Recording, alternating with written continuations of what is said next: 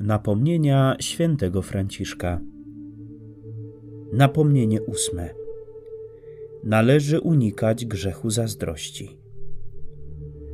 Apostoł mówi: Nikt nie może powiedzieć Pan Jezus bez pomocy Ducha Świętego i nie ma nikogo, kto by czynił dobro, nie ma ani jednego. Ktokolwiek więc zazdrości bratu swemu dobra, jakie Pan mówi i czyni w nim, dopuszcza się grzechu bluźnierstwa, bo zazdrości samemu Najwyższemu, który mówi i czyni wszelkie dobro.